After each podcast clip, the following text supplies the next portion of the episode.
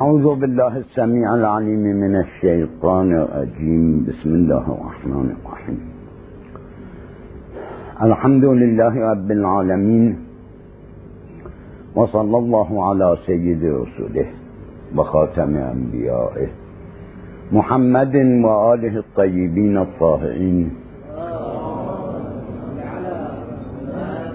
الأئمة الهداة المعصومين لا سيما أولهم مولانا أمير المؤمنين وسيد المصريين وخاتمهم مولانا الإمام الثاني عشر المهدي المنتظر عجل الله تعالى فرجه. وجعلنا من أنصاره وأعمانه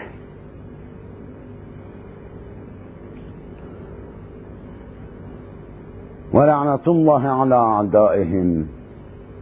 والموالين لأعدائهم والمعادين لأوليائهم من الأولين والآخرين. ولا حول ولا قوة إلا بالله العلي العظيم. اللهم صل على فاطمة وأبيها وبعلها وبنيها. والعن من آذى نبيك فيها من الأولين والآخرين. السلام عليكم أيها الإخوة. ورحمة الله وبركاته.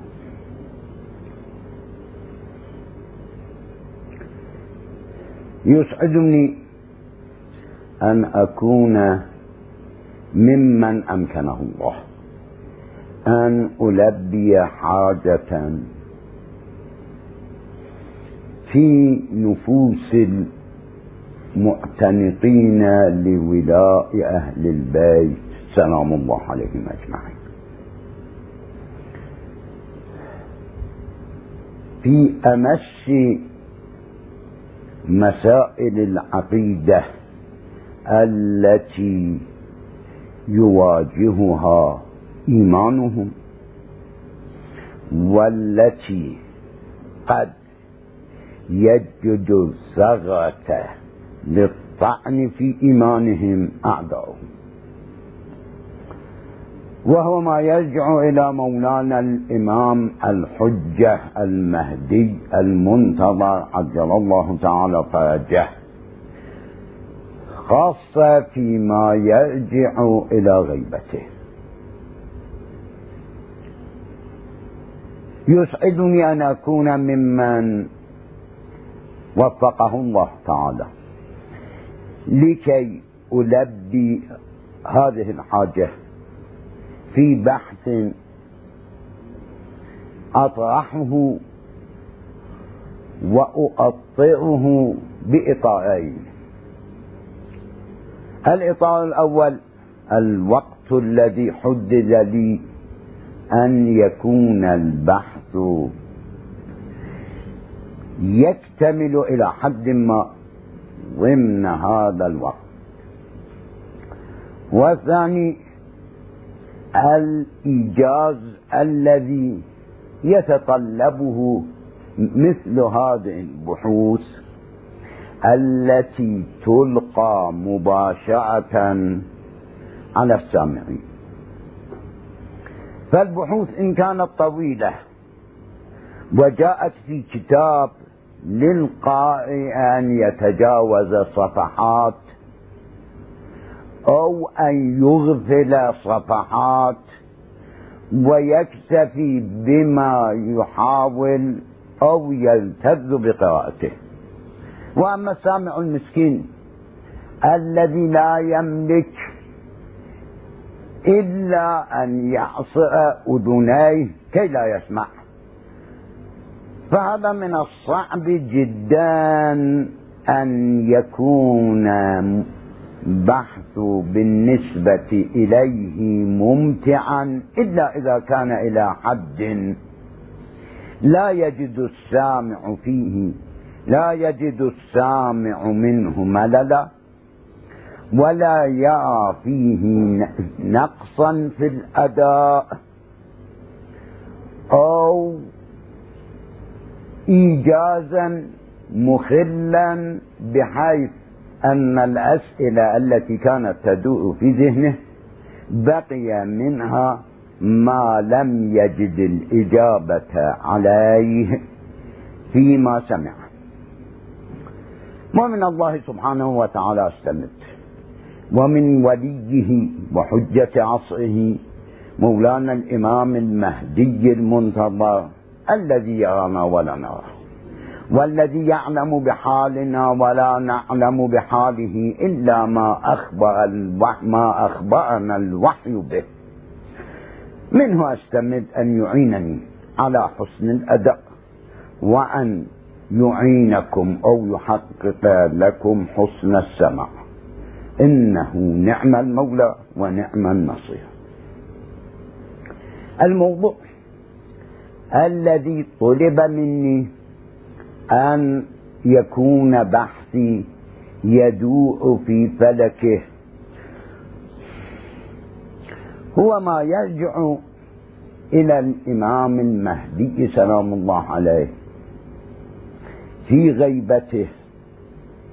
وما انتهى إليه هذا العنصر الاعتقادي الهام. الذي يميز الشيعة في عددهم المبارك يعني عدده في العدد الاعتقادي للأئمة الذي يعبر عنه بالشيعة الاثني عشرية. الكلام حول المهدي سلام الله عليه. فيما أنا فهرست ووضعت المنهج له. وأنا أقرأ نقاط البحث.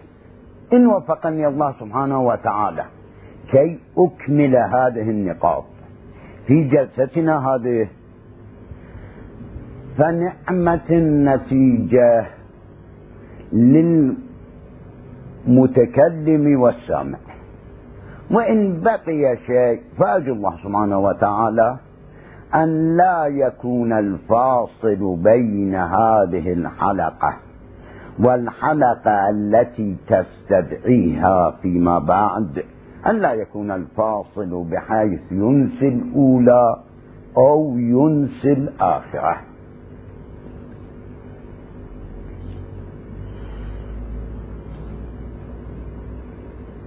البحث عن غيبة الإمام المهدي سلام الله عليه. يرتبط بالبحث عن إمامته كعهد الأئمة. ولا يمكن أن يستغني الباحث عن إمامة المهدي سلام الله عليه عن البحث في غيبته. وقبل هذا نقاط أوجزها. النقطة الأولى أن غيبة المهدي سلام الله عليه وظهوره كموت الخليقة وحشرها أمر قدره الله سبحانه وتعالى. حسب رأينا نحن الإمامية الاثني عشرية الاثنى عشرية. أمر قدره الله سبحانه وتعالى. لم يستشر فيه أحدا ولم يوكل أمره إلى أحد غيره. يعني أن الله سبحانه وتعالى حينما خلق الخلق قدر لهم النشأة الأولى هذه وقدر لهم النشأة الأخرى شئنا أم أبينا. كنا في رضا من ذلك أم لا كرهنا ذلك؟ لحبنا لهذه العاجلة أو مع الأسف الشديد لأننا أسأنا العمل فنكره المواجهة مع آثام العمل وآثاره. الله سبحانه وتعالى قدر للخلق أن تكون لهم نشأتان. نشأة في حياتهم الدنيا ونشأة أخرى في حياتهم الأخرى. وهكذا أيضا. قدر الله سبحانه وتعالى أن يكون عدد أوليائه اثنا عشر. لا يزيدون واحدا ولا ينقصون واحدا. وقدر لهذه لهذا الثاني عشر أن يغيب بيننا وهو حي. وأن يظهر في, في الزمن الذي اختاره الله سبحانه وتعالى بحكمته وقدره بعلمه. شئنا أم أبينا؟ يعني نحن لم نكن مختارين لم يجعلنا الله سبحانه وتعالى مختارين. في أن نحيا ونحشر بعد أن نموت بحيث أننا إذا وجدنا في حياتنا الأخرى تلك. منشأ لذة أحببنا الحياة. وإن وجدنا فيها آثاما وسوء نتائج لسوء أعمالنا في هذه الحياة. لا اخترنا أن يكون موتنا موتا دائما. والذين قرأوا جداول أبي ماضي يعلمون بأن شبهة المعاد عنده أساسها هذه هذه الشبهة لو أردنا أن ننظر إليها من ناحية تندع وضعف. أنكم سمعتم أن هناك من يتندر فيقول بأن الجوزة إن كان لابد لها من حامل لا يكون إلا شجاعة باسقة سامقة كبيرة طويلة العمر. فكيف بالبطيخة؟ البطيخة لابد وأن تكون شجرتها أكبر من شجرة الجوزة. مع العلم بأن هذه بأن هذا تندع أو تغفل أو إلى شيء شيء آخر أسوأ من هذين لماذا؟ لأننا واجهنا في الحياة. الله سبحانه وتعالى قدر الجوزة أن تكون ثمرة لشجرة باسقة وأن لا يكون للبطيخ إلا هرش معين. فالعالم هو الذي يأخذ الحقائق كما هي. ثم يستعين بها في حياته. يعني بحيث أننا لو أردنا كمثال أمثل لو أردنا أن نستحصل الجوزة علينا أن نهيئ أو نغرس شجرتها وننتظر وقد يكون انتظارنا يستمر سنين إلى أن نحصل على الثمرة. وإذا أردنا أن نحصل على البطيخة لا. البطيخة أهون بكثير في استحصالها من حيث الزمن ومن حيث الغرس ومن حيث العناية بالغرس أسهل بكثير من الجوزة وشجرتها. حقائق, حقائق الحياة لا نملكها نحن. ولا يملكها إلا الله سبحانه وتعالى. التي سنها واستمع عليها ويستمع عليها لحكمته ولن تجد لسنة الله تبديلا. الإمام المهدي سلام الله عليه قدر الله بحكمته أن يكون آخر الأئمة وأن يكون مهدي هذه الأمة. وأن يكون هو الذي يملأ الأرض قسطا وعدلا كما ملئت ظلما وجورا أو بعدما ملئت ظلما وجورا ولا فرق بين العبارتين إلا ما يتخيله الإنسان من أن كاف التشبيه قد تكون أهون من البعدية ولا فرق بين الاثنين بحسب الواقع. وأنا أشير إلى مناقشات حصلت في الموضوع. فالإمام المهدي سلام الله عليه إرادة الله في عالم الشريعة كما أن حشره سبحانه وتعالى لخلقه إرادته في عالم الخليقة والتكوين. لا فرق بين الاثنين. لم يستشر أحدا في الأولى أي في الحشر بعد الموت ولا يستشيع أحدا في الثانية أي في أن الله سبحانه وتعالى جعل مهدي هذه الأمة. قدر أن تكون لهذا أن يكون لهذه الأمة مهدي يظهر في آخر الزمان وأن يكون من أهل بيت رسول الله صلى الله عليه وآله وسلم. ومن ولد أمير المؤمنين عليه السلام والصديق الكبرى سلام الله عليه آه وأن يكون من ولد الحسين عليه السلام. إن الله تعالى عوض عن ابن حسين أو عوض ابني حسينا عن مقتله بأن جعل الشفاء في تربته واستجابة الدعاء تحت قبته. والأئمة من ذريته أو من عترته. قدر الله سبحانه وتعالى. هذه نقطة. أننا إيماننا بالمهدي لا يرتبط بأنفسنا من ناحية ذاتية بحيث أني لو أحببت المهدي أؤمن به. ولو لم مثلا لا سمح الله في صورة أخرى لا أصارح لها. لا لا أؤمن. إيماني بالمهدي كإيماني بكل ما أراه من سنة الله تبارك وتعالى في هذا الكون وسنته في الخلق. علي أن أنسجم وأن أجعل نفسي وحياتي ملائمة ومنسجمة مع سنة الله. سنن الله سبحانه وتعالى لا تكون بحيث يرضى بها أحد فتكون سنة.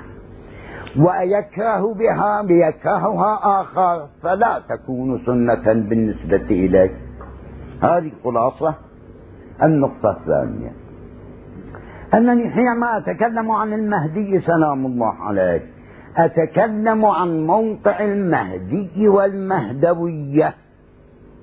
في عقائدنا نحن الشيعة الإمامية الاثنا عشرية وتفسير هذا أن المهدي سلام الله عليه قد يختلف عن باقي الأئمة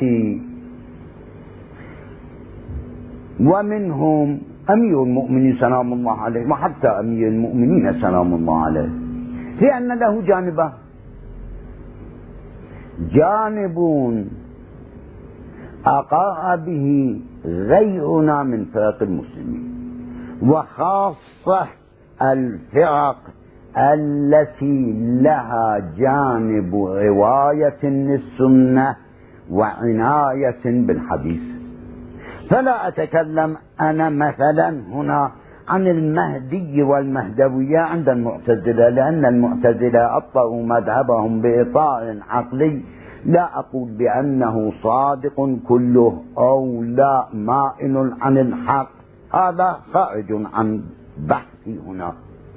أما الفرق فرق المسلمين التي جعلت من السنة أساسا لعقائدها. قد لا تشترك معنا. في الإيمان بإمامة أمير المؤمنين عليه السلام. ولكنها تشترك معنا في القول بالمهدي وأنه يخرج في آخر الزمان. وأنا أملك نصوصا كثيرة أنهم قالوا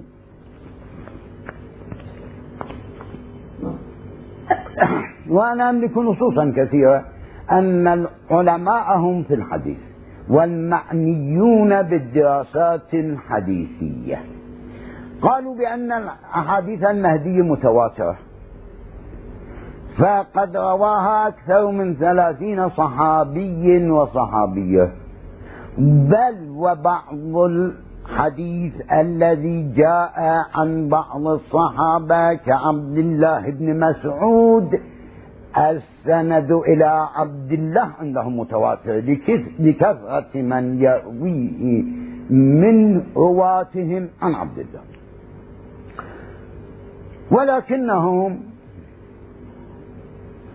حينما يجمعون أحاديثهم ويفسرون بعضها ببعض قد يكون منحى التفسير عندهم. يختلف عن منحى التفسير عندنا نحن الإمامية. وقد تكون النتيجة عندهم تنتهي إلى ما لا ينتهي إليه بحوثنا العقائدية. مثلا نجدهم يقولون بأن الأصح أن المهدي سلام الله عليه من ولد الإمام الحسن. طبعا الإمام تعبير منا. من ولد الحسن عليه السلام. وهذا عندنا غير أو أن المهدي الذي بشر به رسول الله صلى الله عليه وآله وسلم كيف عرفه؟ يقولون بأنه جاء في كثير من الأحاديث يواطئ اسمه اسمي واسم أبيه اسم أبي. وبهذا يكون اسم أبيه الكريم عبد الله. لا الإمام الحسن بن علي العسكري سلام الله عليهما. أو أنه يخرج من أين بعض رواياتهم وين كانت غريبة عندهم ويستغربونها ويقولون بأنها من غريب الأحاديث. أنه يخرج من المغرب أنا حينما أتكلم عن المهدي سلام الله عليه أتكلم عن موقعه الخاص في عقيدتنا نحن الإمامية الاثنا عشرية خاصة. فإذا استعنت بحديث غيرنا أستعين به فيما يؤكد ويقوي نظرتنا نحن الإمامية. لا أني أتناول حديث غيرنا تناولا مباشرا فأحل العقد وأبين جهة الإشكال وأشرح جهة النقض وحل هذه المشكلة. لا هذه كلها أتجنبها في حديثي هذا. وإن كنت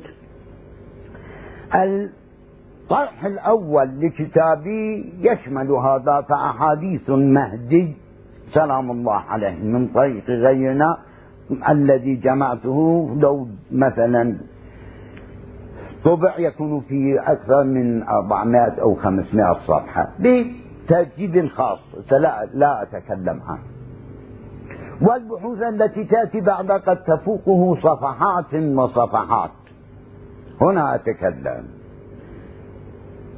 عن موقع المهدي عندنا. وأصل الدعوى التي علي أن أقيم الحجة على صحتها أن المهدي والمهدوية لا يمكن في حكمة الله سبحانه وتعالى وعلمه بحاجة عباده وأنه اللطيف الخبير. يفعل ما يشاء ولكنه لا يفعل إلا لحكمة.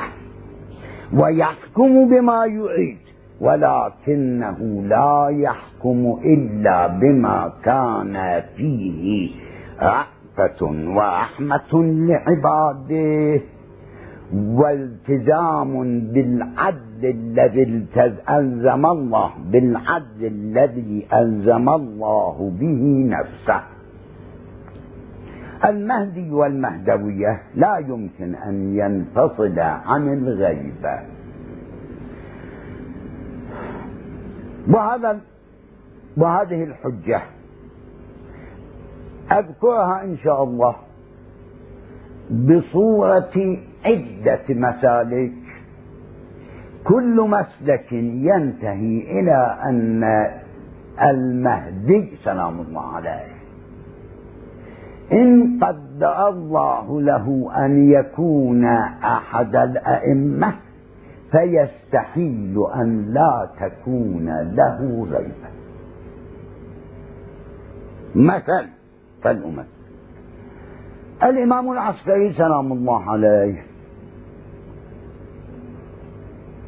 ولد سنة مئتين واثنين وثلاثين من الهجرة.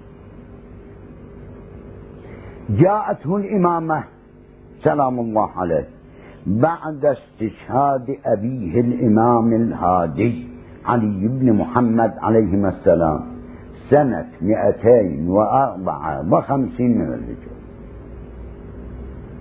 وسمى في أشهر الأقوال عند الإمامية. واستشهد في, في يوم الجمعة الثامن من شوال سنة 260 من الهجرة. فلو حدثنا الجهات الخاصة بالفكرة عن الإمام العسكري سلام الله عليه عند الإمامية وقلنا أن الإمام سلام الله عليه جاءته الإمامة في في السنة 254 من الهجرة. بعد موت أبيه موتا طبيعيا. وأنه جاءته الوفاة التي جاءه الموت الذي قداه الله لكل أحد بصورة طبيعية. لم تكن هناك قلنا جريمة اشترك في إيجادها بالنسبة إلى الإمام العسكري. أحد. لا بصورة مباشرة ولا غير مباشرة. فكانت إمامته ست سنوات. الله سبحانه وتعالى وجد أن الحكمة التي أرجو أن تنتبهوا إلى هذه النكتة التي قد أكون لا أتمكن من إيضاحها إلا بأن أستجلب رعايتكم وعنايتكم. قد نقول بأن الله سبحانه وتعالى وجد من الحكمة أن أن إمامة عسكري كافية لمدة ست سنوات. فالله سبحانه وتعالى جعله إماما. واستوفى الحاجة يعني استوفى حاجة الناس إلى إمامته في ضمن ست سنوات. والله سبحانه وتعالى قبضه إليه قبض اختيار لا نتيجة لإجرام مجرم أو لظلم طاغية من طواغيت زمانه. ست سنوات كافية في أننا نملك إماما وضعه الله إماما علينا. وبهذا نستفيد ما أراد الله سبحانه وتعالى من نصبه إماما في ضمن ست سنوات. الإمام المهدي سلام الله عليه.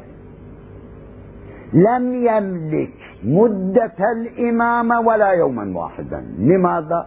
لأنه ما دام والده الإمام العسكري حي فالإمامة خاصة بأبيه. وإن كان هناك إمامان لا بد وأن يكون أحدهما صامتا عندما يكون بقضاء الله سبحانه وتعالى غيره ناطقا بالإمامة.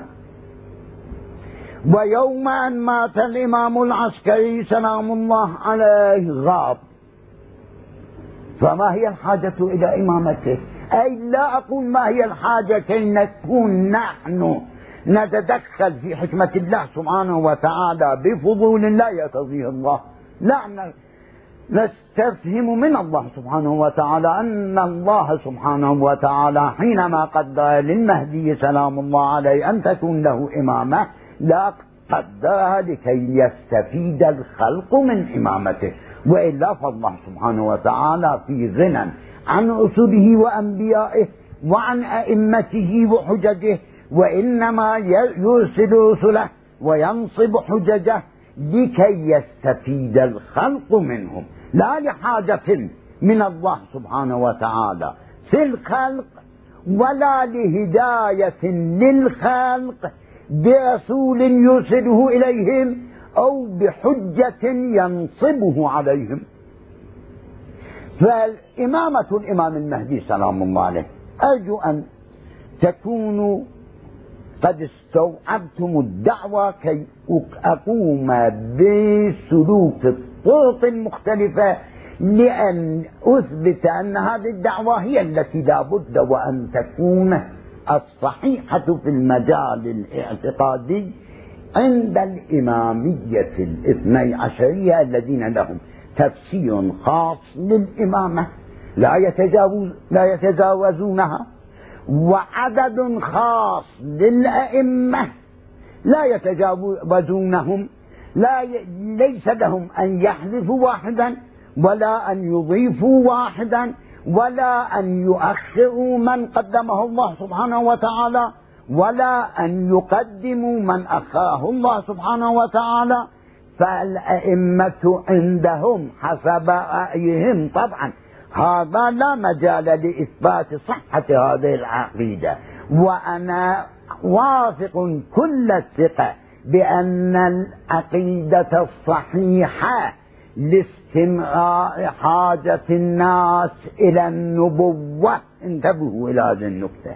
وكون النبي مدة حياته لا تتناسب مع الأبدية لشريعته لا بد بهذا النبي من أئمة يكونون مثله في العصمة في الأداء. والعصمة في الهداية والعصمة في قيادة الخلق فعقيدة الإمام المهدي سلام الله عليه عند الإمامية لا يمكن أن تكون بلا غيبة لماذا؟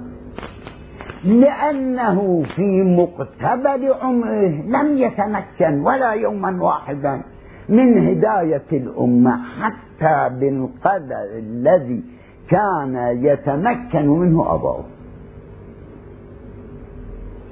ولم يتمكن لغيبته من اتصال الشيعة به.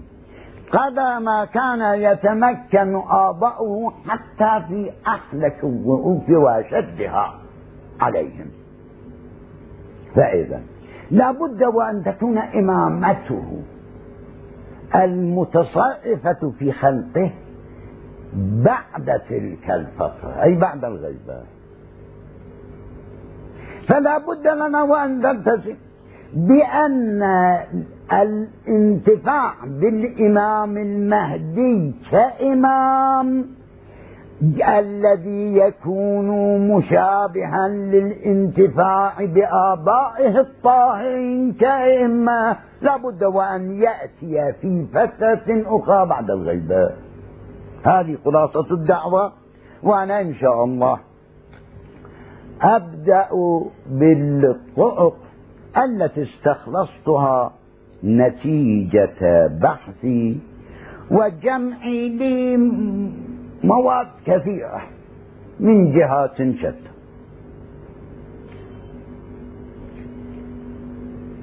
المسلك الأول ما أقصد بالمسلك الأول يعني الجهة الأولى أو الحجة من النوع الأول. أن الله سبحانه وتعالى قال فيما قاله عز من قائل من آي الذكر الحكيم بأن الله سبحانه وتعالى وعد وعدا قاطعا صريحا بظهور دينه على الدين كله. لا أقصد لا يقصد بأنه دينه الذي بدأ من أول من أرسله رسولا إلى خلقه وانتهى بمن أرسله رسولا وسيدا على المرسلين وخاتما لنبي الله. الدين الذي جاء به نبينا صلى الله عليه وآله وسلم وعد وعدا قاطعا بأن يظهره على الدين كله. هذا الوعد جاء ضمن آيات ثلاث. ومن غريب الأمر أن آيتين منها متماثلتان لا أقول متشابهتان متماثلتان تماما. من أول حرف من الآية إلى آخر حرف من الآية. وجاءت في سورتين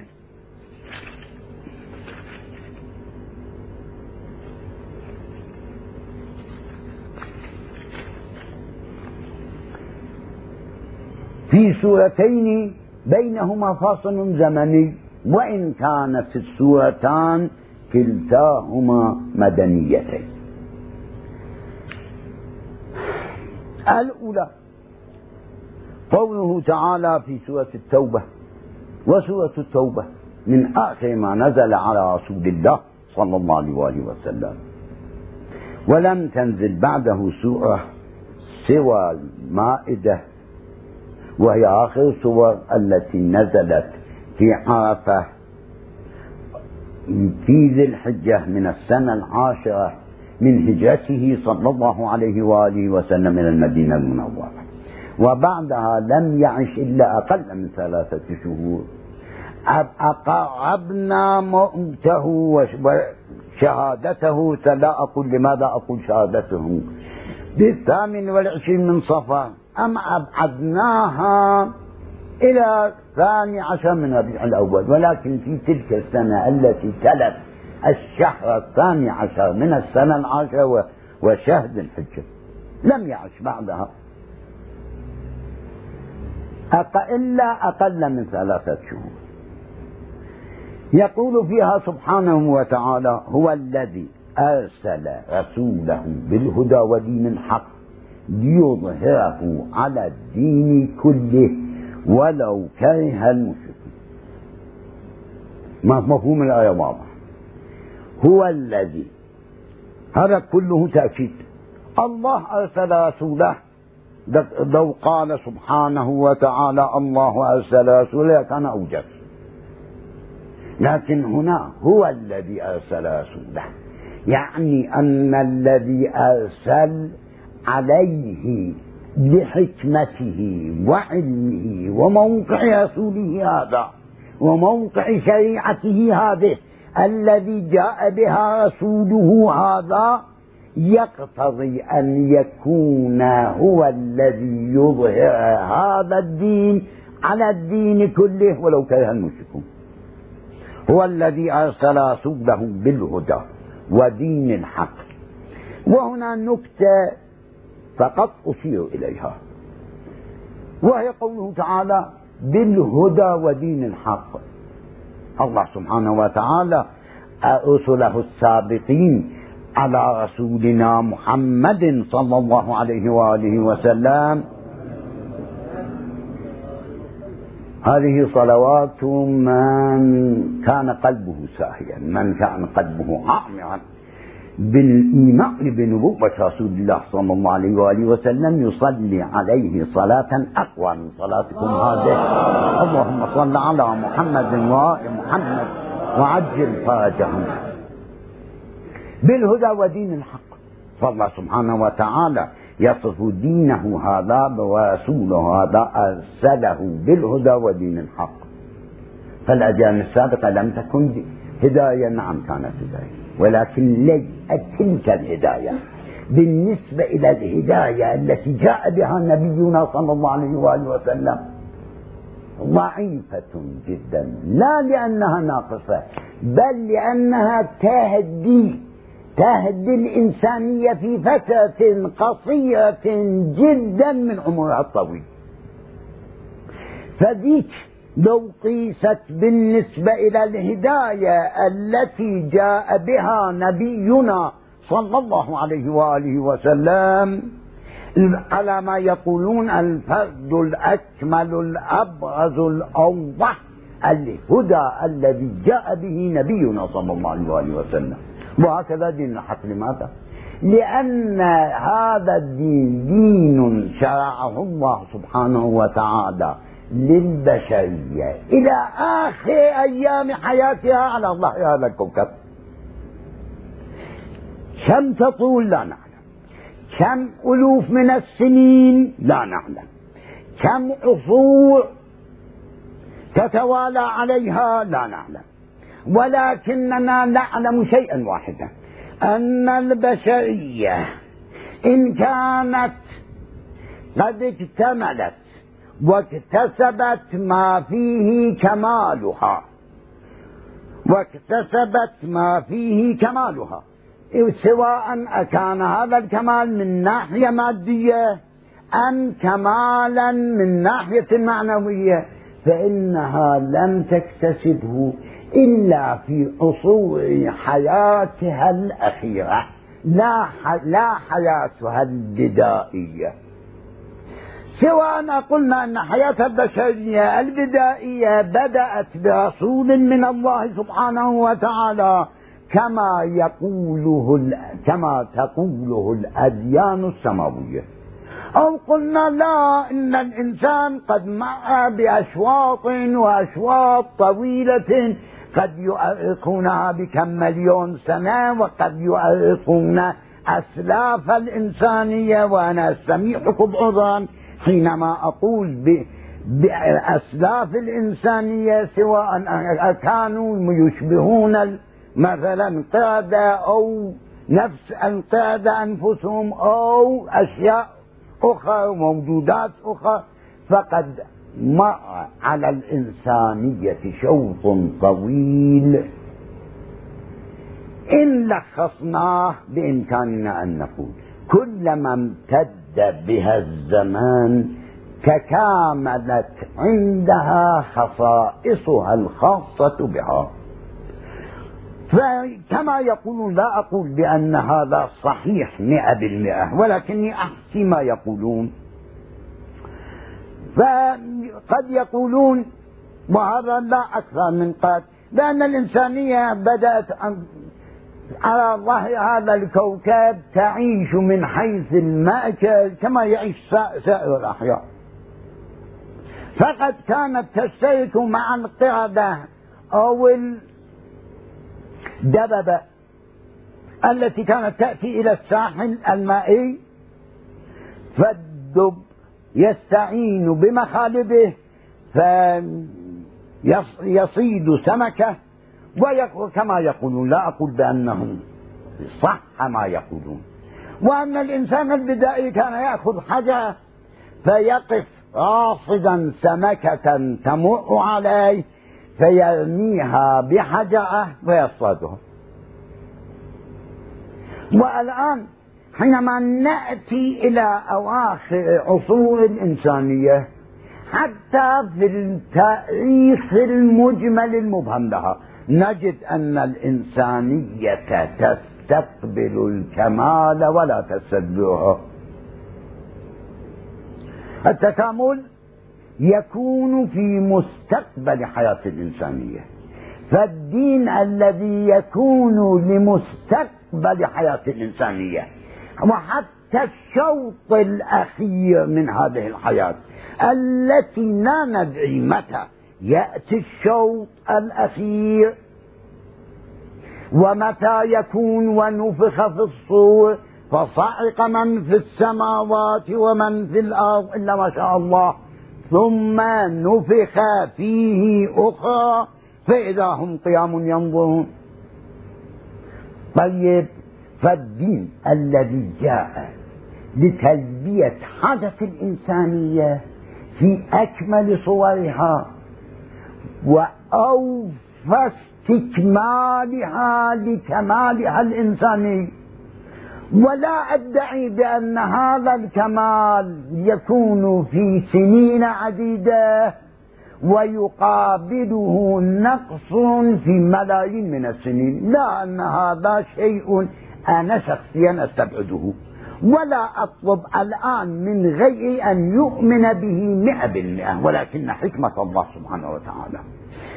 من البعيد جدا أن الحكمة الإلهية تجعل من الشوط الكامل للإنسانية أقصى أشواطها مدة وكيفية وزمنا.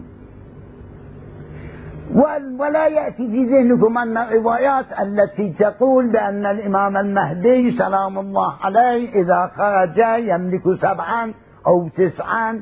لا أتكلم عن هذا فهذه كلها لئن وردت لا يقصد بها العدد الخاص من جهة والجهة الثانية. أن رجعة الأئمة هي التي تكمل هذا الشوط من حياة الإنسانية وهو أعلى أشواطه كمالا وإنسانية.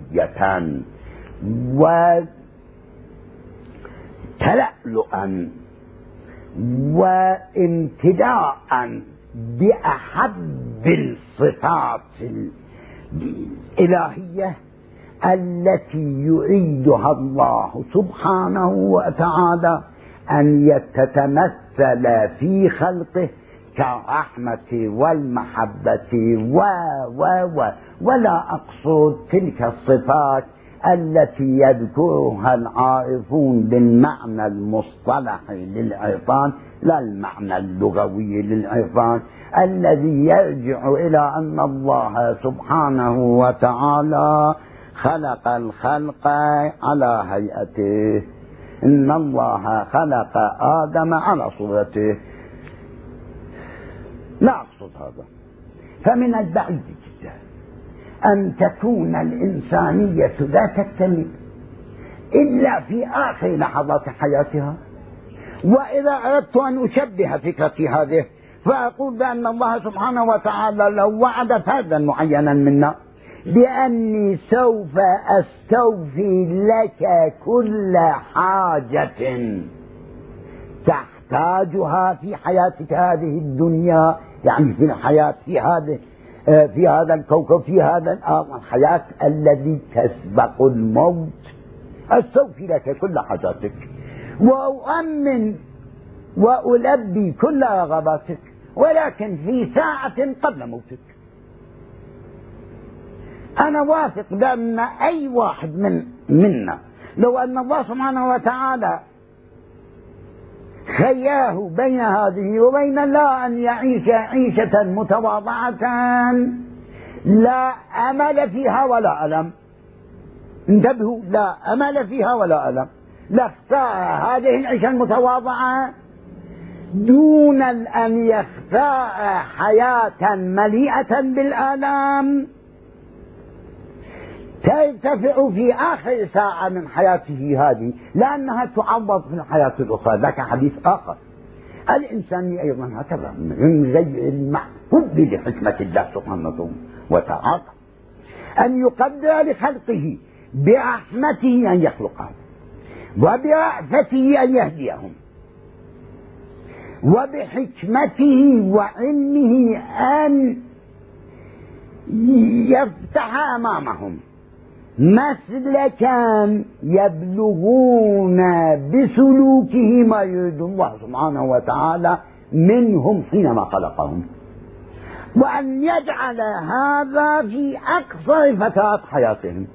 فأنا واثق من أن الحياة الكريمة التي تأتي تأتينا في دولة كريمة يعز بها الإسلام وأهله ويضمحل فيها النفاق وأهله. لا أنه يخرج يضمحل فيها النفاق وأهله. وأن نكون سعداء كما قال الله سبحانه وتعالى أن يكون دور الإنسانية هذا هي أقصر أدوار حياته في على ظهر هذا الكفر. إذا فمهدي هذه الأمة التي وعد الله سبحانه وتعالى أن يظهر دينه على الدين كله لا بد وأن يكون على يد مهدي هذه الأمة. لماذا؟ لأن عدد الأئمة عندنا عدد معين اثنا عشر إماما. استوفى أحد عشر منهم مدته. ومع أسف الإنسانية وبؤسها وشقائها. ومحنتها بل من أعظم محنها أن هذه المدة لم تستوفى. كما أراد الله يعني بإرادة من الله سبحانه وتعالى أن تكون مدة حياتهم الطبيعية وهم بين أظهر أمتهم يهدونهم. فأمير المؤمنين عليه السلام لا نعلم بأن أشقى الآخرين لو لم يضربه على هامته كم كان يعيش وأن الإمام الحسن سلام الله عليه التي لم تدم إمامته إلا عشر سنين أو أقل. لو لم يسم كم كان يعيش وأن سيد الشهداء سلام الله عليه. لو لم يكن يقتل تلك القتلة الفجيعة التي لم ترد في أي أمة من الأمم بالنسبة إلى أقل من يمثل حقوقا إيجابية في تلك الأمة. لا حقوقا سلبية عليه أن يعدم لأنه أجرم عليه أن ينفى من البلد لأنه يضر بالمجتمع. لا لا.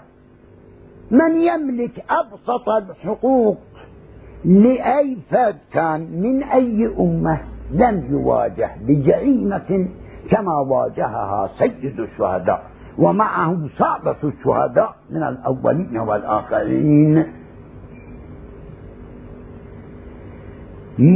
كما واجهه سيد الشهداء من هذه الأمة.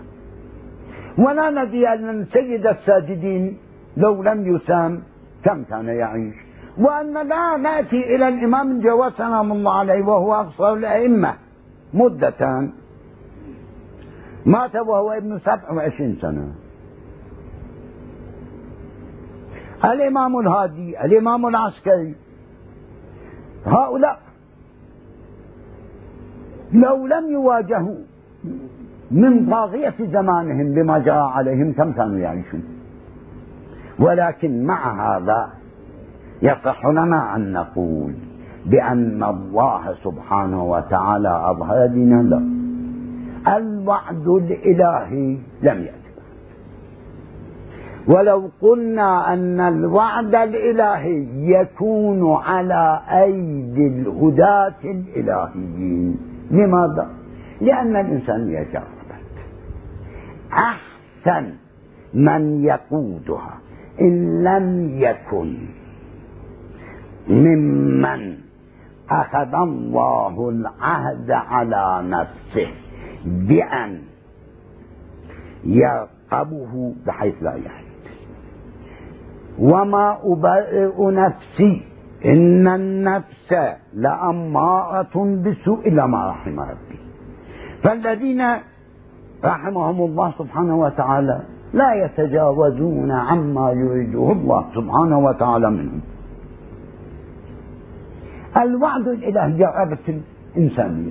الوعد الصحيح إن لم يكن من شخص يجري الوعد على يديه كفءا صحيحا.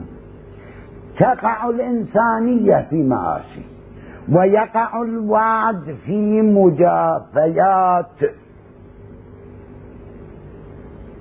وفي تناقضات بحيث أن الوعد يفقد حكمته.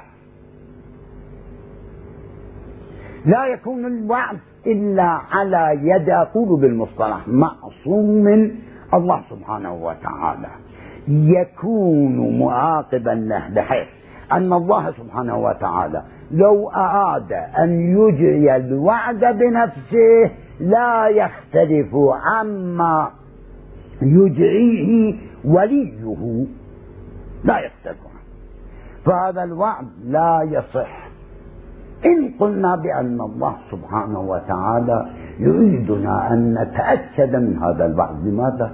لأن هذه الآية الكريمة يكفي ورودها مرة واحدة مع أنها جاء هذا الوعد وجاءت الآية بهذا المضمون في ضمن ثلاث آيات كريمة. الأولى قوله في سورة براءة أو التوبة هو الذي أظهر أرسل رسوله بالهدى ودين الحق ليظهره على الدين كله ولو كره المشركون. نفس هذه الآية. بما بدأت به وبما انتهت به حتى من حيث الحق لا كلمة وحدها. جاء جاءت في سورة الصف الآية التاسعة. هو الذي أرسل رسوله بالهدى ودين الحق ليظهره على الدين كله ولو كره المشركون. الله سبحانه وتعالى من باب التندر أقول. ليس كبعض شعرائنا الذي ينظم القصيدة فيجدها قصرت عما يريدها من عدد الأبيات. فيأتي بأبيات قالها سابقا في قصيدة أخرى. يضمنها يضمن قصيدته هذه تلك الأبيات. حتى تطول وهذا كثيرا ما يكون. ولا يأخذه آخذ بما فعل لأنه قول قاله. ليس من شرط السامع أن يسمع كل ما قاله الآن بحيث أن الذي أن القول كان سابقا عليه يؤاخذ به. الله سبحانه وتعالى لا يعيد الآية كي تطول السورة. يجل عن ذلك. يعيد الآية كي يؤكد لنا بأن هذا وعد قاطع صريح لا خلف له ولن يخلف الله وعده. وبالإضافة إلى ذلك نفس المعنى يرد في آية كريمة أخرى تختلف من حيث الانتهاء. قوله تعالى في سورة الفتح الآية الثامنة والعشرين هو الذي أرسل رسوله بالهدى ودين الحق ليظهره على الدين كله وكفى بالله شهيدا. هذه هذا المقطع كفى بالله شهيدا حسب فهمنا أقوى في الدلالة. على قوله تعالى حينما ختم به آيتيه الكريمتين ولو كره المشركون. كفى بالله شهيدا. معنى إيش؟ إيش؟ على ما يقول العراقيون معنى أن الله سبحانه وتعالى الذي وعد هو الذي يشهد. لأنه وعد وغاب أو مات وكان الوعد بوصية منه ينجزها غيره. فيكون ذلك الذي ينجز يتساهل يتساهل يتغافل أو يغفل أو ينسى أو يعدد وكفى بالله شهيدا الله سبحانه وتعالى الذي يشهد الخلق. فإن وعد وعدا هو الذي يجعل وعده دخل فيه فهذا الوعد القاطع الذي لا يصح لمسلمين أن لا يؤمن به. ولا يصح لغير مسلمين أن يغفله في تأريخ الفكر الإسلامي. يعني غير المسلم قد لا يؤمن بالقرآن الكريم ككتاب منزل من قبل الله سبحانه وتعالى بل قد لا يؤمن بأن لهذا الكون خالقا. أو يشرك الله بغيره من أنداد يجعلها لله سبحانه وتعالى. ولكنه حينما يقرأ القرآن الكريم يجد هذا الوعد وعد قاطع صحيح لا لبس فيه لا إبهام فيه لا لا لا. فإذا أي هذا الوعد وعد يؤمن به كل مسلم. ووعد يأخذ به كل من يؤرخ الدين الإسلامي. متى يتحقق هذا الوعد؟ إلا إذا قلنا بأن أئمة الهدى سوف ينتهي بهم في شوطهم الأخير أكمل أشواط الإنسانية في تاريخها الطويل خاتمهم وهو مهديهم. سلام الله عليهم أجمعين. سوف يكون هو الذي يحقق الله سبحانه وتعالى على يديه. هذا الوعد. الذي وعد به وعدا صحيحا أكده وكفاه في ثلاث آيات كريمة. أيضا قوله تعالى كتب الله لأغلبن لأغلبن أنا ورسلي إن الله قوي عزيز. سورة المجادلة الآية الواحدة والعشرين كتب الله لأغلبن أنا ورسلي أي غلبة. غلبة مادية الله سبحانه وتعالى لم يعد رسله ولا خلقه بأنه هو ورسله يغلبون غلبة مادية كما يعبر هذا العصر غلبة فيزيائية. كيف؟ الله سبحانه وتعالى يقول أو كلما جاءكم رسول يخاطب اليهود بما لا تهوى أنفسكم استكبرتم ففريقا كذبتم وفريقا تقتلون. أمن الصحيح هذا الخلق التي الذي سرتم عليه أيها اليهود؟ بأنكم تحبون أن يكون الله سبحانه وتعالى هو الذي يؤمن رغباتكم لا أنه هو الذي يهيمن عليكم. أو كلما جاءكم رسول بما لا تهوى أنفسكم استكبرتم ففريقا كذبتم وفريقا تقتلون. يؤكدها في آية أخرى. أو كلما جاءهم رسول بما لا تهوى أنفسهم استكبروا. ففريقا كذبوا وفريقا يقتلون. قل فلم تقتلون أنبياء الله؟ إن كنتم صادقين. آيات كريمة. تؤكد أن الله سبحانه وتعالى أرسل رسلا كذبوا كذب بعضهم. وكذب آخرون وقتلوا. لأن اليهود كانوا يقتلون الذين يصفونهم بالصدق عن الأنبياء الصادقين الذين يؤمنون بصدقهم يقتلونهم والذين يبقون على حياتهم كانوا يكذبونهم. لا.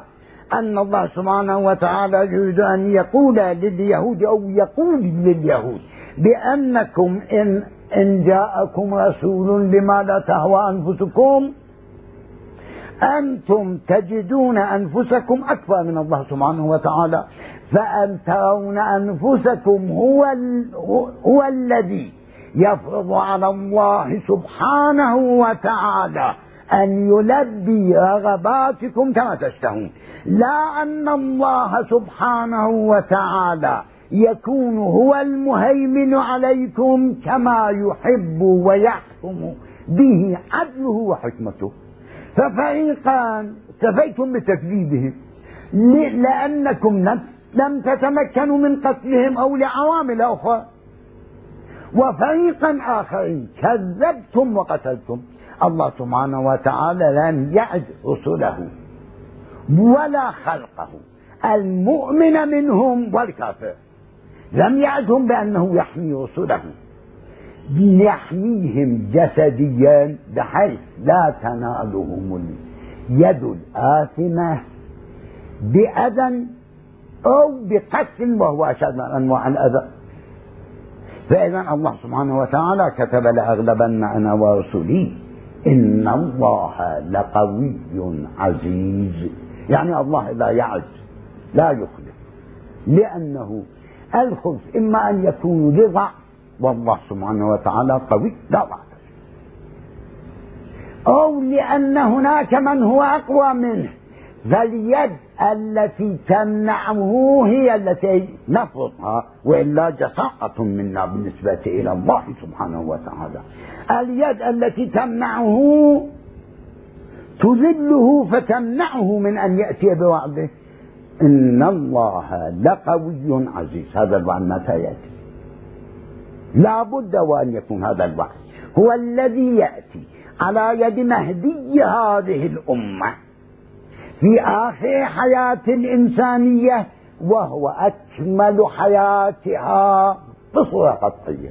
وفي رأيي ويملك وتملك هذه الحياة من الزمن والمدة ما تقر بها عين الإنسانية. وإلا قلت لا يكون إلا كمن يأتي الله سبحانه وتعالى بأمنيته بعدما عاش مئة سنة في آخر لحظة من لحظات حياته. هذه الأمنية سوف تكون عليه حسرة ولا تكون ممن يستمتع بها. أيضا قوله تعالى نحن نقص عليك من نبأ موسى وفرعون بالحق. إن فرعون علا في الأرض وجعل أهلها شيعا يستضعف طائفة منهم يذبح أبناءهم ويستحيي نساءهم. ونريد أن نمن على الذين استضعفوا. نريد أن نمن أشير أتجاوز لأنه أدري أن الحديث طال بي وسوف أمامي أشواط. نريد أن نمن. معنى ذلك؟ أن هذه سيرة الله. لا خاصة بموسى وفرعون. لأن الله سبحانه وتعالى يأتي بالنريد أن نمن. لا أردنا أن نمن. وكذلك مكنا ليوسف في الأرض. أما هنا يقول ونريد أن نمن يعني أن الله سبحانه وتعالى جاءت سنته.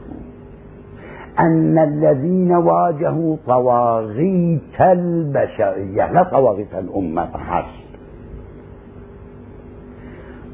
والطواغيت غلبوهم على أمرهم. الله سبحانه وتعالى جرت إرادته التي لا خلف فيها والتي لا يمنع منها مانع. أن يأتي دور يغلب هؤلاء على طوافيت زمانهم. ونجعلهم أئمة ونجعلهم الوارثين. وإلى آخر إلى آخر الآيات الكريمة. إذا الشرط المسلك الأول الوعد الإلهي في القرآن الكريم. هذا الوعد الإلهي. إما أن نقول ويشهد الله اللهم اغفر لي هذا التعبير لأني أريد أن أوضح فكرتي إما أن نقول بأن الله سبحانه وتعالى حينما وعد به أراد أن يجذب قلوبنا. وأن يملأ نفوسنا أملا. لا أنه وأن يعينا في أسوأ التعابير سعابا. شنو؟ يتخيله الظمآن معه لا الله سبحانه وتعالى أجل من هذا. حينما وعد وعد وعدا قاطعا وهو أصدق القائلين. ولن يخلف الله وعده. وهو أصدق من قال. كثيرون يعدون فيرون أنفسهم قادرون على أن يحققوا ما وعدوا وأنهم بانون وعازمون على أن يحققوا ما وعدوا ولكن تأتي ظروف والظروف تمنعهم وتقهرهم. الله سبحانه وتعالى ليس كذلك. فإذا المسلك الأول أن وعد الله سبحانه وتعالى في قرآنه الكريم هذا الوعد الذي جاء ضمن وعود مختلفة في صيغها متفقة في معناها يظهر على الدين كله. كتب الله لأغلبن أنا ورسلي ونريد أن نمن على الذين استضعفوا في الأرض. ونجعلهم أئمة نجعلهم أئمة. ونجعلهم الوارثين. هذا الوعد جاء في صيغ مختلفة. تختلف في التعبير وتتفق في المغزى والهدف. هذا الوعد لا يمكن أن يتحقق إلا على يد آخر حجج الله. وهذا الآخر الذي ولد قبل آل. وحدود الماء ويقرب من الماءتين. هذا الوعد لابد أن يتحقق على يد هذا لأنه آخر الحجج لن يرسل الله رسولا لأن نبيه صلى الله عليه وآله وسلم ختم النبي. ولن يأتي بإمام يعيش عيشته الأولى في هذه الأرض. لا العيشة بعد رجعة لمن آمن بالرجعة يعيش عيشته الأولى في هذه الأرض. لن يأتي بإمام. لماذا؟ لأن عدد الأئمة عنده 12 إمام. ومهدي هذه الأمة آخر الأئمة. فهذا الوعد لا يمكن أن يكون وعدا صادقا وهو مما نقطع بصدقه. إلا أن يكون لمهدي هذه الأمة غيبة تفصل بين مولده وبين ظهوره وإنجاز وعد الله سبحانه وتعالى على يده.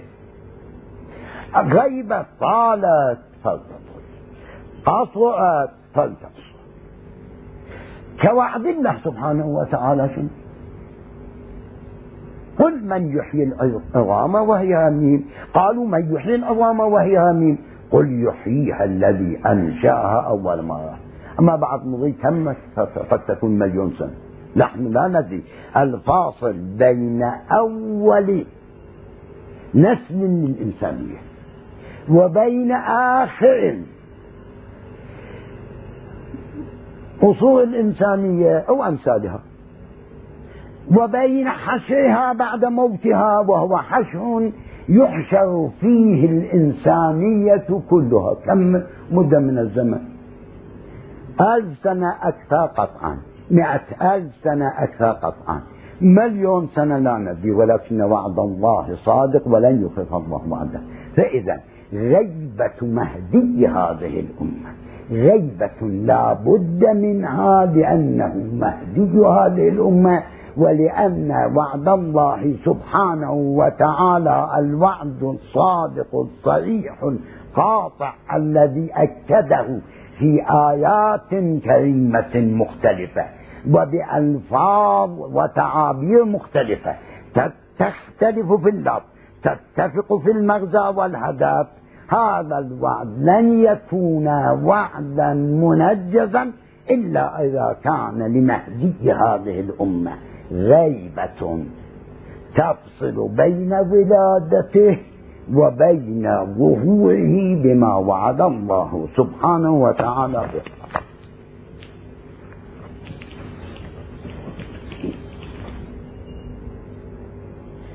المسلك الثاني.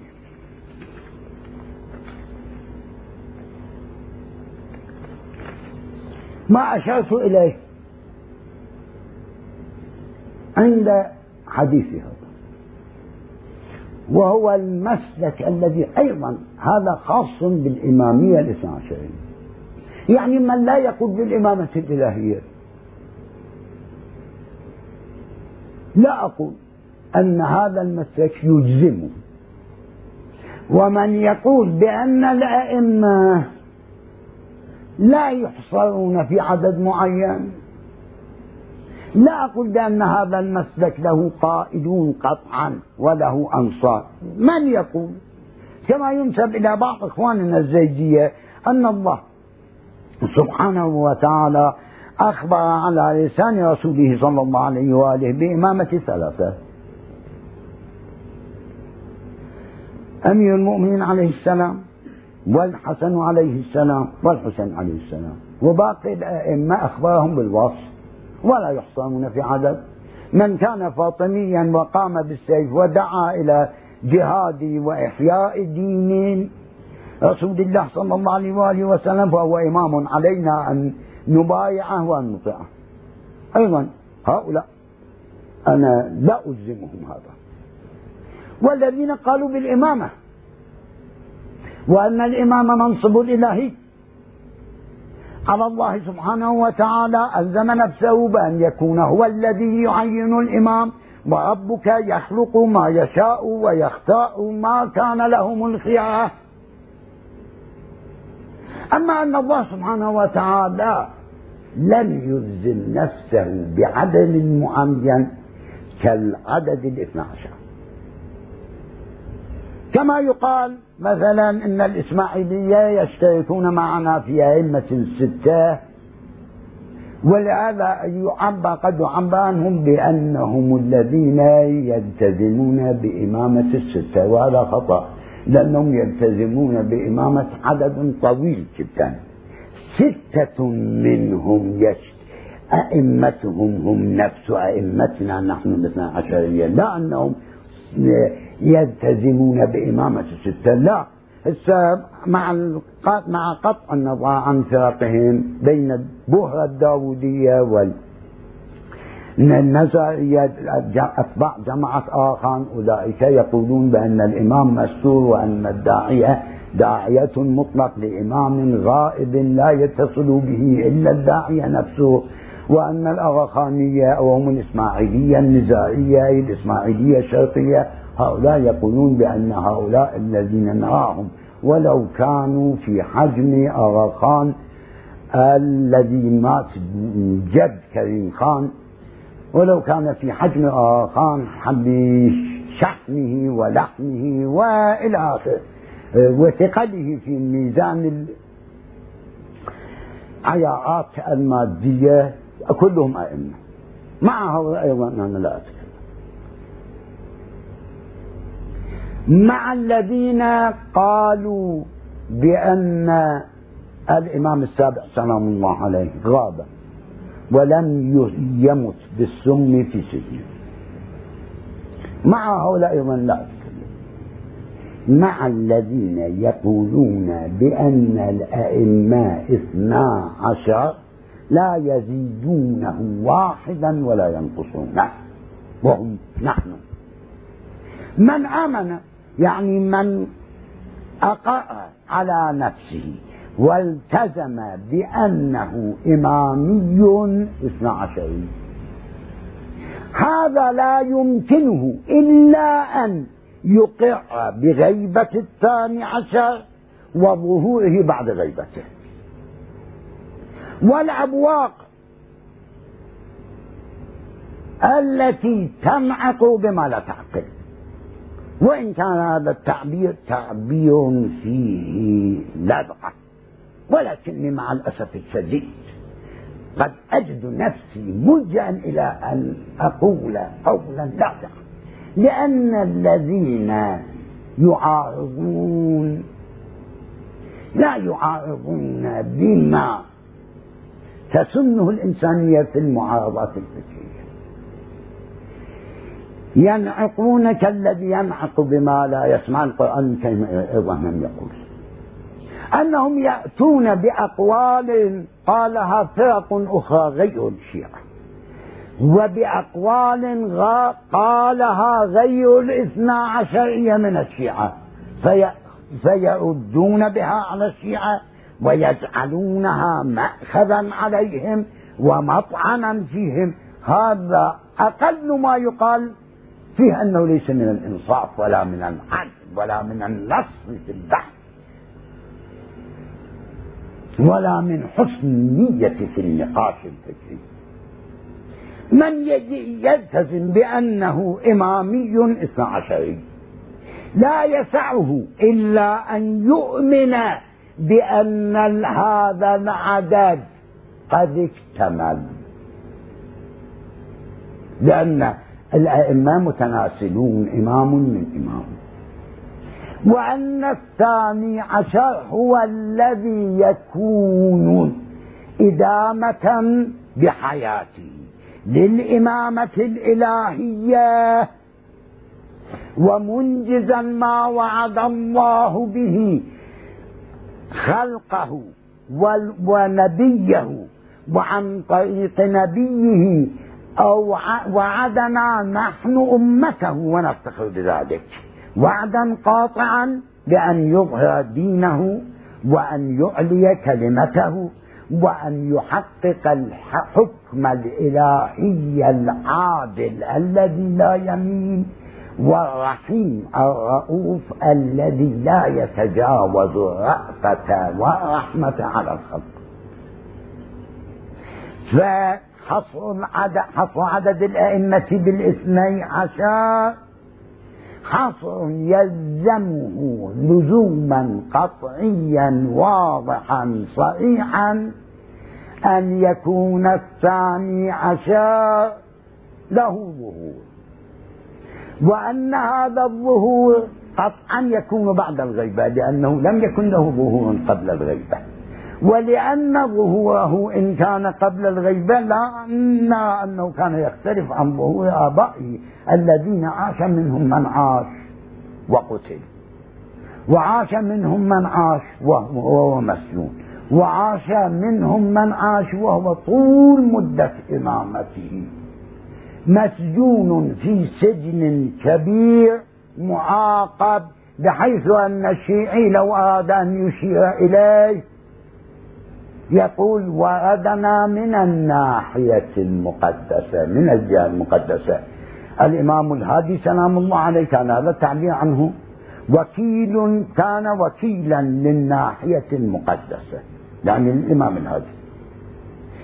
أو الإمام العسكري أو أحد أول النواب الأربع.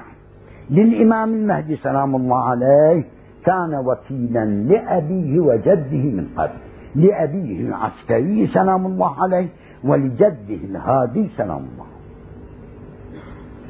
هذا المسلك الثاني. المسلك الثالث. قلت أنا إنما أتكلم في إطار المعتقد الإمامي. وأقولها صريحة واضحة. أن الذي يطلب مني إمامي أو يطلب منا إمامنا المهدي. أن نعينه بالنسبة إلى شيعته في عقائدهم في زمن غيبته. وإلا بعد ظهور الإمام المهدي سلام الله عليه مستثنى عنه. نحن الذين نفتخر ونتقرب إلى الله سبحانه وتعالى. لأن نقول عجل الله فرجه وجعلنا من أنصاره وأعوانه من أنصاره وأعوانه. الإمام المهدي يحتاج إلى أعوان وأنصار في زمن غيبته لأن الله سبحانه وتعالى قدر له الخفاء والسكوت. فالله, فالله سبحانه وتعالى هو الذي يطلب منا أن نكون نرعى شيعته في زمن غيبته وأقول إنما أنا أدافع عن هذا عن هذه الفرقة وأفتقد أن أكون خادما لهم في معتقدهم. المسة الثالث أحاديث الثقلين. كلكم سمعتم وهذه الأحاديث أيضا متواترة. ولا أتكلم عن قول القائل الذي قال بأن رسول الله صلى الله عليه وسلم وآله وسلم عفوا لأنه أردت أن أحكي كلامه. صلى الله عليه وآله وسلم قال إني تارك فيكم الثقلين كتاب الله وسنتي إن صح أن رسول الله صلى الله عليه وآله وسلم قال وسنتي. وهو أراد أن يلقم من قال حسبنا كتاب الله حجرا لا يقول به. ولكن مع ذلك قال ما قال؟ ومنع الأمة من كتاب نبيها الذي يقول صلى الله عليه وآله وسلم وهو أصدق القائلين. بعد الله سبحانه وتعالى لن تضلوا بعده أبدا. وإلا إيماننا بالإمامة والأئمة واتباعنا للأئمة واهتداؤنا بهديهم. واقتداؤنا بسنتهم من العمل بسنته صلى الله عليه وآله وسلم وكتاب ربه قال عز من قائل إنما وليكم الله آمنا وصدقنا وإن شاء الله نحن ممن يتولى الله ومن يتولى الله ورسوله والذين آمنوا فإن حزب الله هم الغالبون. وقال عز من قائل وقال صلى الله عليه وآله وسلم فلا تعارض بين أن يكون ثاني الثقلين. أهل بيته سلام الله عليهم أجمعين أو تكون سنته. نعم لو ورد سنته فهو لكي يلقم من قال حسبنا كتاب الله. حاجة أن لا يقوله ولكن مع الأسف. هناك قال حسبنا كتاب الله. ثم كان عاقبة الذين سكتوا عن حقهم. وعاقبة الذين ملكوا أمرهم. وعاقبة الذين توصلوا إلى دولتهم بأي وسيلة. أمس كأن أصبحوا هم أهل السنة وأصبحنا نحن الدار. على كل فأرجو أن يكفى لنا إخواننا أنهم إن سموا أنفسهم أهل السنة فليشتونا معهم في التسمية لا في سنتهم. ولا نحن في غنى عن سنتهم بما ورثنا عن أئمتنا سلام الله عليهم أجمعين. من هديهم وسنتهم التي هي سنة رسول الله صلى الله عليه وآله وسلم. هذه الحديث الثقلين ماذا يقول؟ إني مخلف تارك فيكم الثقلين كتاب الله. وعفافي أهل بيتي. أو مخلف. مهما بأي قراءة قرأنا. أو بأي نوع من التفسير اللغوي أو الأخذ اللغوي أخذنا. ألا وإنه قد نبأني اللطيف الخبير. أنهما لن يفترقا لن يتفرقا حتى يرد علي الحوض. هذه الجملة ماذا معناها الذي انطبعنا عليه في نفوسنا أننا نقول بأن رسول الله صلى الله عليه وآله وسلم يوصي كل فرد من أفراد أمته بأنهم إن أخذوا بالكتاب العزيز عليهم أن يأخذوا بعد أعدال الكتاب العزيز وهم الأئمة الذين ذكرهم وعينهم رسول الله صلى الله عليه وسلم. فالأمة اختلفوا.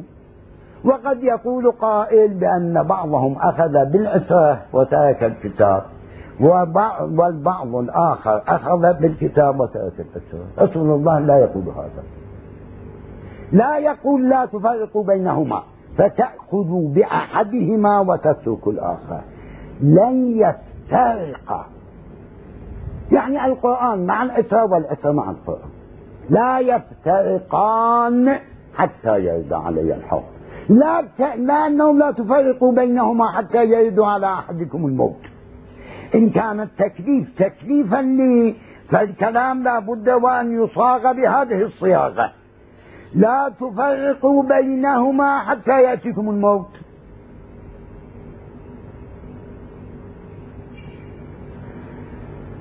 أن يقول لا لن يفترقا معنى ذلك. أن من أخذ بالكتاب أخذا كما يريده الله لا يمكن أن لا يأخذ بأهل البيت. ومن أخذ بأهل البيت عليهم السلام كما أرادوه له أخذ بالكتاب كما أراده الله سبحانه وتعالى له. فالقضية ليست قضية اختيار منا حتى يكون الأمر الإلهي بأن نجمع بين العجلين لا أن نأخذ بواحدة سواء أكان الكتاب العزيز أم العترة الطاهرة وأن نترك الآخر سواء أكان الكتاب العزيز أم العترة الطاهرة. لا أنهما لن يفترقا. هؤلاء معا. كقوله صلى الله عليه وآله وسلم علي مع الحق والحق مع علي. لن يفترقا. يدور معه حيثما دار يعني أن عليا سلام الله عليه. لا يمكن أن يكون في جانب ويكون الحق جانب فإن رأيتم عليا يسير سيرا فاعلموا أن الحق يسير معه. إذا فحديث الثقلين لا موعد له إلا أن يكون للأخذ بالقرآن من قبل الأمة المسلمة ولو كانت بعد ألف وأربعمائة وعشرين سنة من هجرته صلى الله عليه وسلم وألف وأربعمائة وعشر سنين من رحلته صلى الله عليه وسلم. الآن رسول الله صلى الله عليه وآله وسلم بالنسبة لنا كلنا نحن الإخوة المجتمعون هنا يوصينا إني تركت فيكم الثقلة. كتاب الله وعزته ألا وإنهما لن يفترقا حتى يرد علي الحق. فانظروا كيف تخلفوني فيهما تخلفوني فيهما الآن لا أتكلم عن القراءة الصحيحة حسب التفسير اللغوي أو الأصول اللغوية. فنحن أيضا علينا القرآن الكريم ما في أمامنا طبعا لا بطبعته الحاضرة وإنما بصورته الأصلية التي تمثلها طبعات القرآن الكريم إن شاء الله. كاملة غير منقوصة غير منقوصة ولا مزادة. فأين الأسرى التي نأخذهم؟ الذين ماتوا انتهت أيام إمامتهم. فلا بد وأن يكون للثقل الآخر وجود حي كوجود القرآن الكريم. علينا نحن الأمة المسلمة أن تأخذ به كما تأخذ بالقرآن الكريم هذا المسلك الثالث. ولا أدري أنه أستمر في الحديث أم لا. أو تكون هناك فترة ولو عشر دقائق. أستغرق عشر دقائق ثم أعود. لا مانع؟ يصير الغروب. من عشر دقائق نصف لا استمع استمع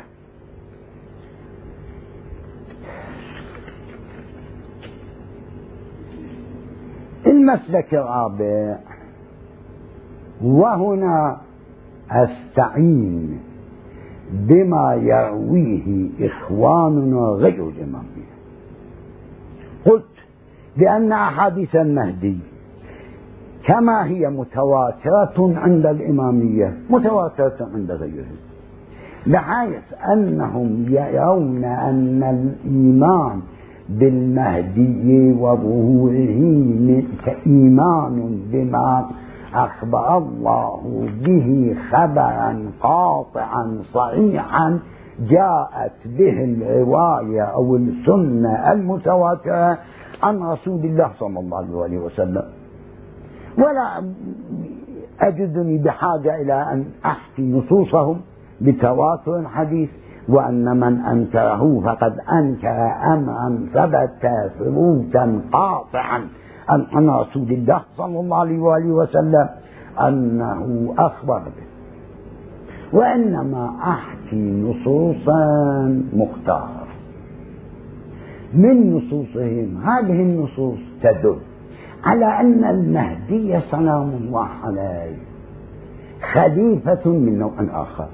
لا من النوع خلفائهم الذين التزموا بصحة خلافتهم وصحة إمامتهم وأنهم خلفاء هدى وسموهم الخلفاء الراشدين واختصوا بثلاثة منهم تقدموا على مولانا أمير المؤمنين سلام الله عليه. أنا أحكي النصوص ثم أتي بالجهة التي أريد أن أستدل بها.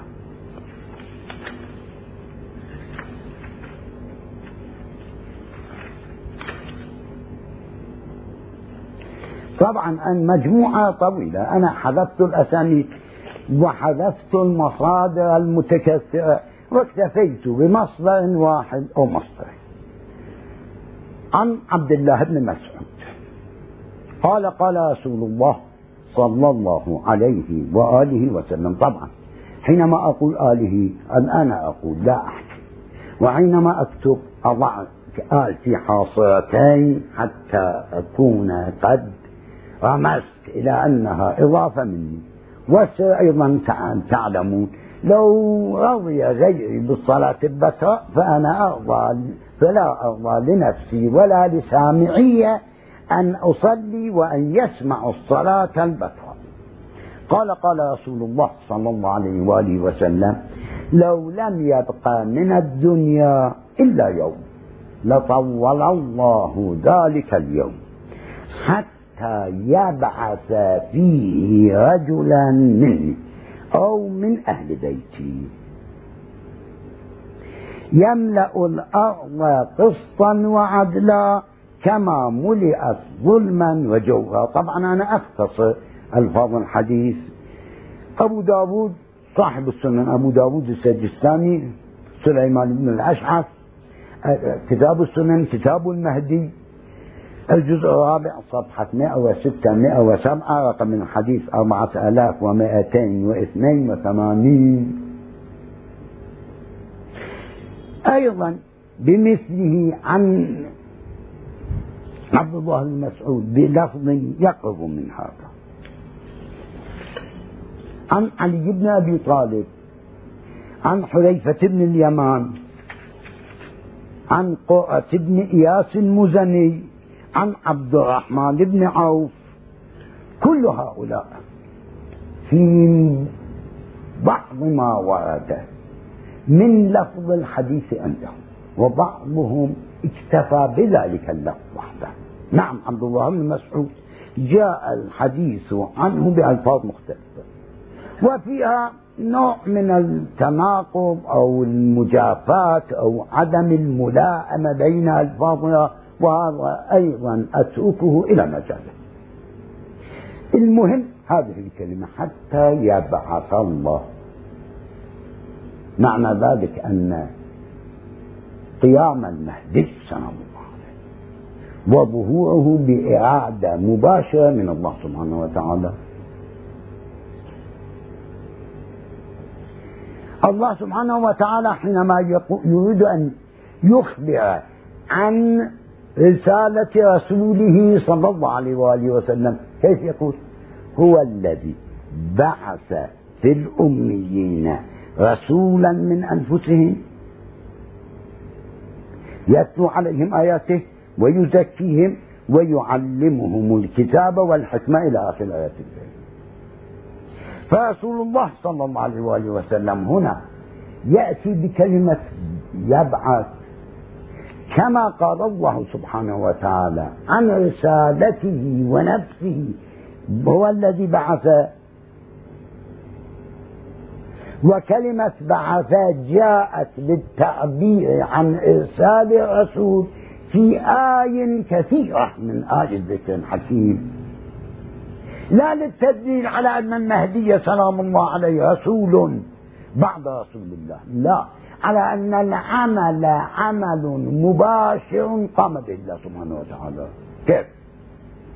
قد يقول قائل بأن حق الاختيار للأمة يشمل حق اختيار الخليفة عليها. طيب. ويقول أيضا بأن هذه الخليفة وإن كان قد احتل منصب الزعامة عليهم باختيار منهم وأساس الاختيار بيعتهم له ورضاهم بأن يكون هو الذي يتأمر عليهم.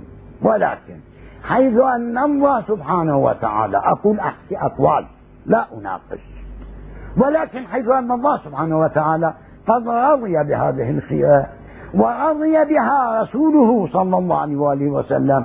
فنكون قد نسبنا منصب من اخترناه إلى أنه خلف نبي الله صلى الله عليه وآله وسلم.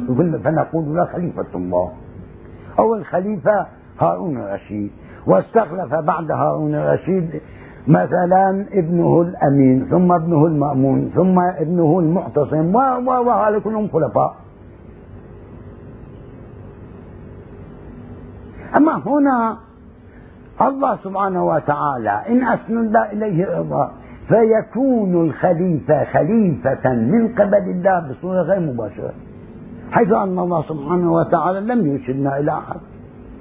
ولم يأمرنا بأن ندين لأحد. ولم يأمرنا بالبيعة اللازمة لمن له منصب إلهي علينا أن نلتزم بالإيمان بمنصبه والإيمان بما يأتيه. يا أيها النبي إن جاءك المؤمنات يبايعنك على أن لا يشركن بالله ولا يزنين ولا يسرقن لا الآية الكريمة البيعة في القرآن الكريم. جاءت كتأكيد من قبل المؤمن بإيمانه. لا اختيار حر يقوم به في عالم المنافسات السياسية وأنا أشير أكثر من هذا. لا أجد نفسي بحاجة إلى أن أبين ولا أجد أنفسكم بحاجة إلى أن تتوقعون مني أكثر. يبعث عمل مباشر من قبل الله سبحانه وتعالى. ولأجل, ولأجل هذا حينما يريد أن يعبر عن إرسال رسوله صلى الله عليه وآله وسلم يقول هو الذي بعث بالأميين رسولا منهم. هنا يقول حتى يبعث الله فيه رجلا من أهله يبعث فيه يعني إمام. قدر الله سبحانه وتعالى له الإمامة المباشرة.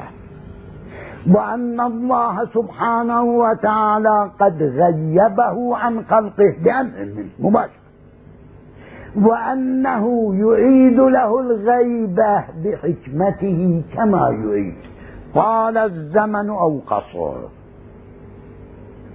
عاشت الأمة في أمل أو خفت عندها الأمل. ولكن هذا الوعد وعد قاطع بأنه لا بد وأن يكون هذا المغيب الذي غيبه الله سبحانه وتعالى بأمر من أن يكون هو الذي يأمر بظهوره حتى يملأ الأرض. قسطا وعدلا كما ملئت ظلما وجورا فإذا إمامة المهدي إمامة إلهية لأن كلمة يبعث تدل عليها. وظهور المهدي ظهور إلهي لا ظهور إلهي بالمعنى العرفاني يعني ظهور بأمر خاص من الله سبحانه وتعالى. كما يعبر عنه الحديث الذي يروى عن أمير المؤمنين سلام الله عليه. إن المهدي منا أهل البيت يصلح الله أمره في ليلة. ومعنى يصلح أمره في ليلة يعني حواج مع الأسف الشديد الله يرحم شيخنا المبطل الذي كان يقول الاستعانة بالعامية عاجز. ليس معنى أن الله سبحانه وتعالى يهيئ له عفش السفر في ليلة واحدة. ويأخذ له تذاكر سفر لا بعد أنه عليه الصلاة والسلام لا يكون يأمل بظهوره وانتهاء أمد غيبته. في ليلة يأمر الله سبحانه وتعالى. فيظهر في صبيحته. هذا معنى الله أمره في ليلة زين. طيب مع مع المعذرة. طيب فإذا المهدي هذا؟ إمام إلهي. لا إمام اخترناه فرضي الله لما اخترنا. بخيرتنا نحن. وغيبته غيبة إلهية. وظهوره ظهور إلهي ومثل هذا الإمام لا يكون إلا من جنس أئمتنا نحن الإمامية. هنا هم كلمة أفسرها. إخواننا يقولون في عدد الأئمة الأئمة بعد 12 يقولون أن الذين يخلفون على الأمة بعد رسول الله صلى الله عليه وآله وسلم وهم عدول لا يجوعون ولا يظلمون 12 ويجمعون الخلفاء الراشدون معاوية هم يجرجعون به إلى الخلافة لا إلى النار يجرجعون به إلى الخلافة الإلهية وبعد ذلك يحتارون. من؟ قد يصلون إلى السفاح والمنصور وكذا وكذا. هؤلاء لا يصبطهم رابطة سوى أنهم أعداد انتزعوا من ضمن قائمة خلافة الراشدة وغير الراشدة عندهم. انتزعوا انتزاعا لهوى في نفوس المنتزعين لا لميزة في في الأشخاص الذين انتزعوا وفصلوا عمن سبقهم وهو من عينهم. وعمن جاء بعدهم وهو من عينوه على الأمة وحكموها على رقاب الأمة. عمر بن عبد العزيز اختاره الخليفة الذي قبله هو راشد والذي اختاره غير راشد. عمر بن عبد العزيز استخلف فلان. ذلك المستخلف من قبل عمر بن عبد العزيز غير راشد ولكن عمر بن عبد العزيز نفسه راشد. فإن كان راشدا فمن استخلفه أيضا راشد في استخلافه. والذي استخلفه هو على الأمة ومكنه من رقاب الأمة أيضا خليفة راشد. وإن كان غير راشد فالحكم لكم أنتم. معنى ذلك أن أحاديث المهدي عندهم فيها نص هذا النص يؤكد بصورة قاطعة أن المهدي عليه السلام ليس من جنس الخلفاء الذين استخلفوا على هذه الأمة بعد وفاة نبيها صلى الله عليه وآله وسلم. وإنما خلي إمام إلهي. هذا لا ينسجم إلا مع رأي الإمامية ومعنى ذلك أن أحاديث المهدي عندهم تشير إلى أن إمامة المهدي سلام الله عليه إمامة إلهية وإن لم يقولوا بها في أحد غيره ممن جاءوا بعد رسول الله صلى الله عليه وآله وسلم. كخلفاء على الأمة حتى في حق أمير المؤمنين سلام الله عليه وهو الخليفة الإلهي عندنا. نحن الإمام فإذا إمامة المهدي إمامة إلهية. هذه الإمامة الإلهية لا تتم إلا في ضمن السلسلة.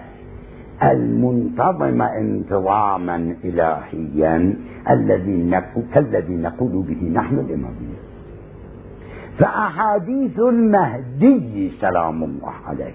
عند إخواننا فيها ما يدل دلالة قاطعة على النظرة التي تنظر بها الإمامية إلى المهدي سلام الله عليه. ويؤكد حديث يروونه هم عن أمير المؤمنين سلام الله عليه. قال قلت يا رسول الله المهدي منا أئمة الهدى أم من غيرنا؟ فإذا أمير المؤمنين سلام الله عليه. يفرض مسبقا أن هناك أئمة هم أئمة هدى وهدايتهم لا بالانتخاب لماذا؟ لأنه يسألها في حياة رسول الله صلى الله عليه وآله عنه وبعد لم يمت رسول الله صلى الله عليه وآله وسلم حتى يكون هناك انتخاب للخليفة ويكون الخليفة منتخبا انتخابا شرعيا فاز في المنافسة السياسية التي كانت حرة قائمة لم يزيف فيها رأي ولم يفتعل فيها في حياة رسول الله صلى الله عليه وآله وسلم. يسأل أمير المؤمنين سلام الله عليه يسأله. يقول قلت يا رسول الله المهدي منا أئمة الهدى أم من غيرنا؟ قال منا. بنا يختم الدين كما بنا فتح. نعيم بن حداد كتاب الفتن نسبة المهدية الجزء الأول صفحة 370 رقم الحديث عشرة آلاف آه، ألف وتسع وثمانون عفو. إلى هنا والحديث بعد طويل. وأنا أجد نفسي قد تعبت وأظن أنكم تعبتم أكثر مني. وجاء وقت الصلاة فأستميحكم العذر إن طال بنا الحديث وأستميحكم العذر إن تعبت أسماعكم وأستميحكم العذر. لأنكم تفضلتم فأعطيتموني من وقتكم وفرصتكم ما أنا شاكر لكم. والحمد لله رب العالمين وصلى الله على سيدنا محمد وآله الطيبين الطاهرين.